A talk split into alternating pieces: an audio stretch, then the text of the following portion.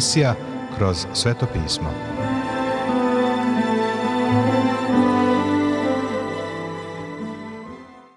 Dobroveče, poštovani slušaoci i dobrodošli u još jednu emisiju programa Kroz sveto pismo, programa koji je za vas napisao Vernon McGee, a pročitao Branko Bjelajac.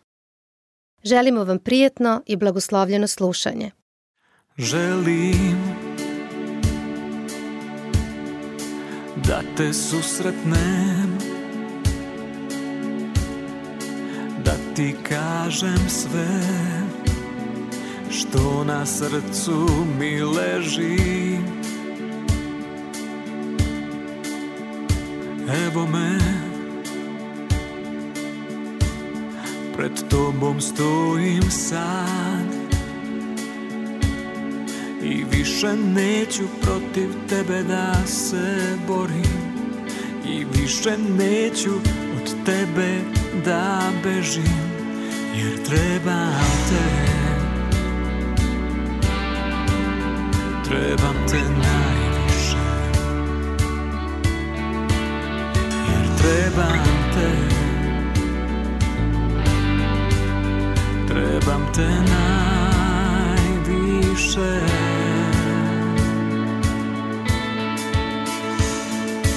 želim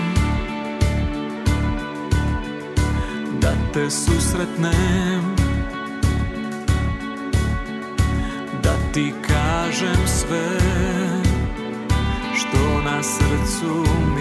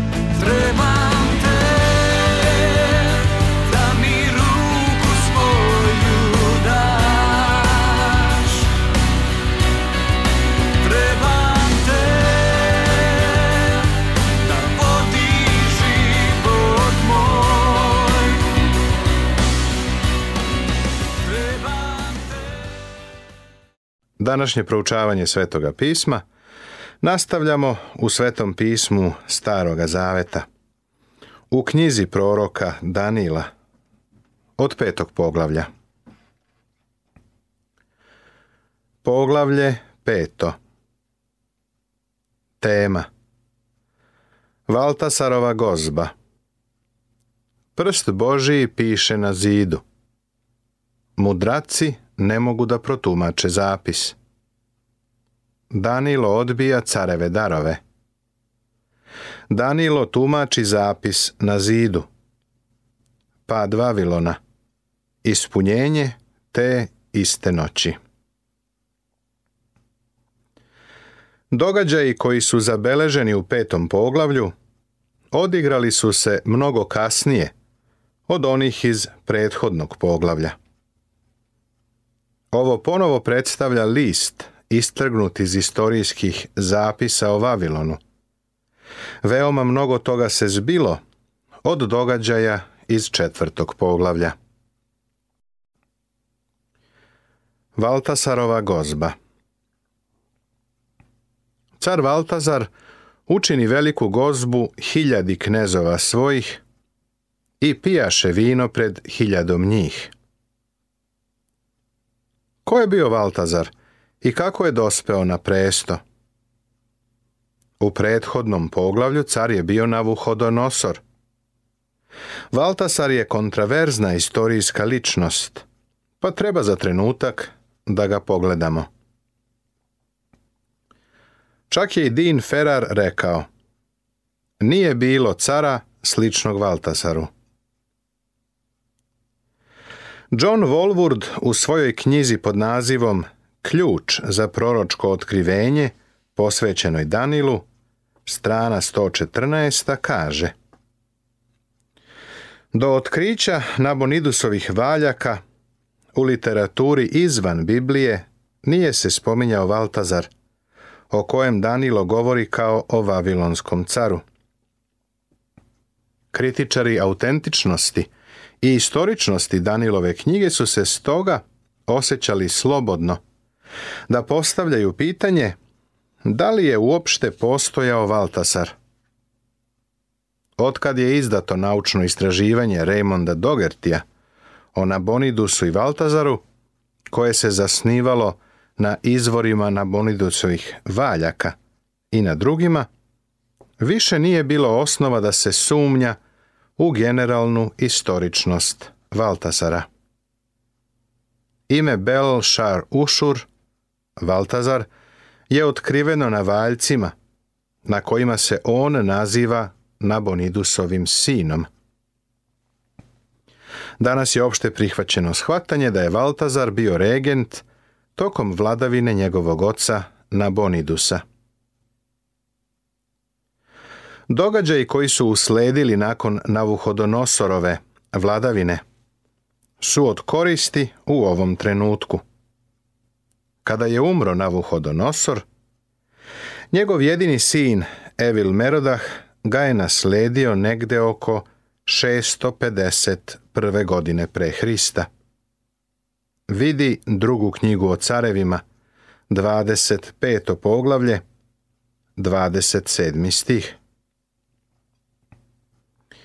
Evil Merodaha je ubio Nergal Sarezer, koji je oženio jednu od Navuhodonosorovih kćeri i smenio ga na tronu oko 559. godine pre Hrista. Nergal Sarezera je nasledio njegov mladi sin, koji je vladao još samo nekoliko meseci pre nego što ga je ubio Nabonidus. Nabonidus je bio muž još jedne Navuhodonosorove kćeri. Nabonidus, posljednji vladar Vavilonskog carstva, je mnogo vremena provodio izvan carstva, na ekspedicijama u inostranstvu, pa je Valtazar, njegov sin, ostajao kao koregent. Sve ovo pokazuje tačnost onoga što je prorok Jeremija rekao. I sada ja dadoh sve te zemlje u ruke Navuhodonosoru, caru Vavilonskom, sluzi svom. Dadoh mu i je Poljsko da mu služi. I svi će narodi služiti njemu i sinu njegovom i unuku njegovom dokle dođe vreme i njegovoj zemlji i veliki narodi i silni carevi pokorega. Ovo je zapisano u knjizi proroka Jeremije u 27. poglavlju u 6 i sedmom stihu. Drugim rečima, Vavilonsko carstvo će trajati tokom života Navuhodonosorovog sina i unuka, a potom će se okončati vladavina Vavilonskog carstva kao zlatne glave. Sljedeći dokaz o Valtazaru imamo iz Nabonidusove molitve, upućene Bogu meseca – molitve za njegovog sina, koja je otkrivena na glinenom valjku. Moj sin, izdanak moga srca, neka poštuje svoje božanstvo i neka se ne oda grehu. Grčki istoričar Herodot ovo također spominje i potvrđuje. Tokom događaja zabeleženih u petom poglavlju, Nabonidus je bio na bojnom polju. A njegov sin Valtazar je ostao u Vavilonu. Možemo da primetimo da kada je Valtazar ponudio Danilu položaj u svom carstvu, Danilo je bio treći po važnosti. Zašto ne drugi? Posle Valtasara? Zato što je Valtasar sam bio drugi, a njegov otac je bio pravi vladar. Za vreme Valtasarove gozbe, o kojoj se govori ovdje u stihu broj 1, Gobrijas, midijanski general, je s polja sprovodio opsadu Vavilona. Ksenofan, grčki istoričar, opisuje kako su zauzeli grad tako što su skrenuli kanal reke Eufrat u glavni kanal, pa je vojska mogla da prođe ispod gradskih zidina. Prema tome, događaje iz ovog poglavlja, koji su dugi niz godina bili obezvrijeđivani od strane kritičara, danas potvrđuje svetovna istorija. Više bih voleo da kažem da je svetovna istorija potvrđena od strane Božje reči. Znamo da istoričari ponekad lažu, pa ne možemo uvek da se oslonimo na njihove zapise – Međutim, u ovom slučaju se istorijsko istraživanje slaže sa izveštajem iz Svetoga pisma. Car Valtazar učini veliku gozbu, hiljadi knezova svojih, i pijaše vino pred hiljadom njih. Obrati pažnju na arogantnost ovog mladog Skorojevića Valtasara, koji priređuje ovaj rasipni događaj – dok vojske sa opsedaju grad. Možda je Valtasar mislio da je grad neprobojen. Navuhodonosor ga je podigao tako da može da odoli svakoj opsadi. Gradski zid je bio četvrtast i dug oko 22 kilometra. Bio je zazidan od cigala. Bio je visok oko 30 metara i širok dovoljno da su njime mogli da putuju uzajamno, jedna pored druge, četiri kočije. Drugim rečima, napravili su autoput oko grada. Imali su zalihe vode i žita za sljedećih deset godina. U stvari, od reke Eufrat je prokopan kanal koji je vodio direktno kroz grad. Valtazarova gozba je možda bila kao neko zadirkivanje neprijatelja, koji su bili s polja. Ili je Valtasar želeo da podigne moral onima koji su bili sa njim u gradu. Ovde čitamo da je sve započelo velikim koktelom. Danas je alkohol neka vrsta privremene potpore za slabe muškarce i žene – u mnogim zemljama alkoholizam je problem broj jedan. Smatrao sam da je bilo prilično ironično kada se grupa dobronamernih građana iz škola, crkava i politike Los Angelesa u Americi okupila da razgovara o problemu narkomanije među omladinom. Znaš li kako su otvorili sastanak? Koktelom kako su bili licemerni. Prijatelju, u Americi ima daleko više alkoholičara nego narkomana. Više od polovine poginulih u saobraćenim nesrećama svake godine. U krvi imaju alkohol u momentu nezgode. Amerikanci svake godine potroše milijarde dolara na alkoholna pića. Alkohol nanosi veliku štetu u automobilskim nesrećama i u porodicama koje se zbog njega razaraju. Problem alkohola je alarmantan i zajednički za sve ljude. Mnogi narodi su baš zbog alkohola propali, ne zbog marihuane. Nemoj pogrešno da me shvatiš, ja ne podržavam upotrebu marihuane. Jednostavno, nemam poverenja u te reformatore – koji žele da reše problem narkomanije, ali se ne odriču alkohola. Nije me briga za takvo licemerje. Stari Valtasar je počeo sa koktel partijom da bi svoje goste tako raspoložio da uživaju na gozbi koju im je priredio.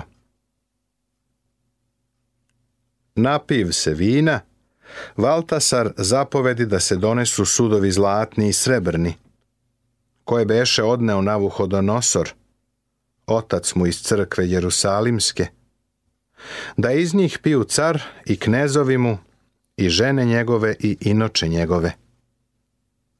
I donesoše zlatne sudove, koje behu odneli iz crkve doma gospodnjeg u Jerusalimu, i pijahu iz njih, car i knezovi njegovi, žene njegove i inoče njegove. Ovaj čovek nije smeo da izaziva neprijatelja koji je izvan grada, nego sada pod dejstvom alkohola on čini jednu drskost koju čak ni njegov deda nikada ne bi uradio. Kada je Navuhodonosor zauzeo Jerusalim, bio je stari, mnogobožački, paganski car. Uzeo je sudove iz hrama u Jerusalimu. Ali, kada je upoznao živog i istinitog Boga, te sudove je sklonio. Za Valtasara koji je kao dete rastao na dvoru, mislim da su to bile zabranjene posude, koje nije smeo da dira sada ih izvlači i u njima će poslužiti goste. Sudovi više nisu bili sveti. Svet znači odvojen za Boga, za Božiju upotrebu. Međutim, Valtasar ovim činom izaziva Boga. I danas ljudi svojim postupcima izazivaju Boga. Odvažimo se da govorimo otvoreno i da se pitamo zašto Bog ne sredi takve ljude. Prijatelju, Bog ima mnogo vremena. On će se pobrinuti za tu situaciju, baš kao što se pobrinuo za Valtasara. Valtasar je znao da je njegov deda upoznao živog i istinitog Boga, da ga je slavio, i uzvisivao. Vidi ovome stih 22. On je ipak namerno izazivao i potcenjivao Boga. Priče u 29. poglavlju prvom stihu ovako kažu. Čovek koji po karanju ostaje tvrdoglav, u će propasti da neće biti leka. Svi na gozbi su sada već potpuno pijani. Bio je to prizor pravog razvrata i raskalašnosti. Još od kada sam bio dečak, slušao sam kako su propovednici propovedali o ovom Valtazarevom banketu. Prema nekima od njih to je bila prava gozba. Jedan od propovednika je govorio o devojkama koje su igrale o piću, o smehu i svim takvim stvarima. Da budem iskren, ta propoved je ličila na nekakav put u noćni klub i svi smo se zabavljali. Međutim, sveto pismo nam ne daje takve detalje. Pijahu vino i hvaljahu bogove zlatne i srebrne i bronzane i drvene i kamene hvalili su bogove, a bila im je potrebna više nego jedna noć, da bi hvalili sve bogove koje su imali u Vavilonu. Svoj greh su prekrili plaštom obožavanja, a bogohuljenje su zakrilili velom religije. Božiji prsti pišu po zidu. U taj čas iziđoše prsti ruke čovečije i pisahu prema svećnjaku po okrečenom zidu od carskog dvora i car vide ruku koja pisaše. Bog sada direktno interveniše. Ne govori kroz san, ni viziju, kaže Vernon McGee, čije vam komentare večeras predstavljamo. Jer je ovo čovek kojega on ne namerava da dosegne. Bog ne želi da trpi ovu bezbožnu uvredu neba, pa piše na zidu dvorane u kojoj je gozba. Da li je ovo urađeno u besu? Iskreno govoreći mislim da jeste. Mislim da ovaj koji je ovo napisao jeste onaj isti koji je pisao u pesku, kada su pred njega doveli grešnu ženu – kako je zapisan u Evanđelju po Jovanu u osmom poglavlju, od prvog do osmog stiha. U ono vreme to je bila poruka oproštenja. Ovde, za Valtasara, to je poruka osude. Valtasar je ignorisao nebeskog Boga, kao što će mu uskoro Danilo razjasniti. Tada se promeni lice caru. I misli ga njegove uznemiriše. I pojas se oko njega raspasa i kolena mu udarahu jedno od drugo. Valtasar nije mogao da stoji. Pre samo nekoliko trenutaka je bio suviše pijan da bi stajao. Iako se naglo otreznio, i dalje ne može da stoji. Ono što je video na zidu, na smrt ga je uplašilo. Strah ga je preplavio.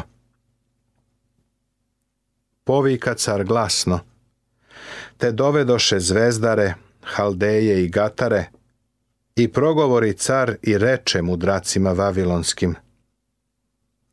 Ko pročita ovo pismo i kaže mi šta znači, onaj će se obući u skerlet, i nosit će zlatnu verižicu o vratu i bit će treći gospodar u carstvu. Obrati pažnju na to da je nagrada treći gospodar u carstvu. Kako je samo precizan prorok Danilo. Čovek koji je napisao ovu knjigu sigurno je bio tamo prisutan i poznavao je sve okolnosti. Nabonidus je bio pravi car, a Valtazar je bio drugi u carstvu. Kada se Valtazar konačno osvestio, došli su mudraci. Nastavit će se.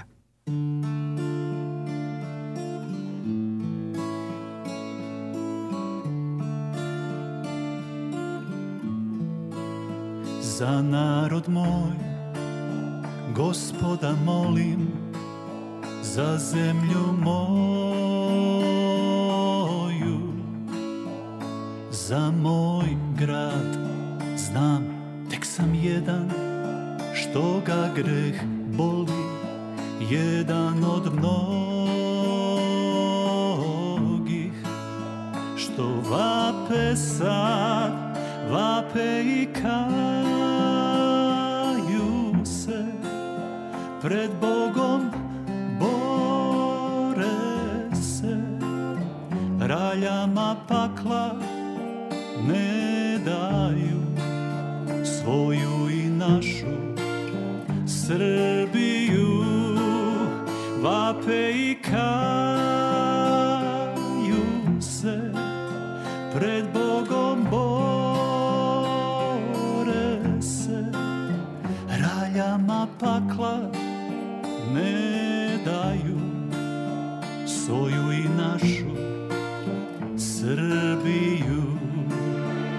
za narod moj Srce me boli jer Bogu neće Da vrati se grehe i slobu Zlo svako voli i svetlo ne traži Neka je se, ne žali, Bogu se ne moli, a sve nas manje i manje je od ove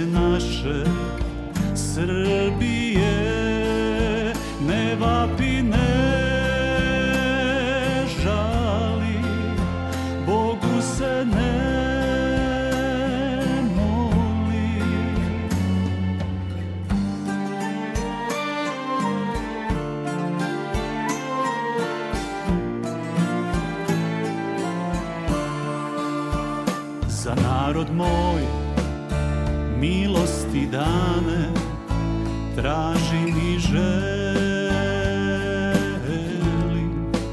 nebeski mir. Molim da jednom i nama svane jutro spase.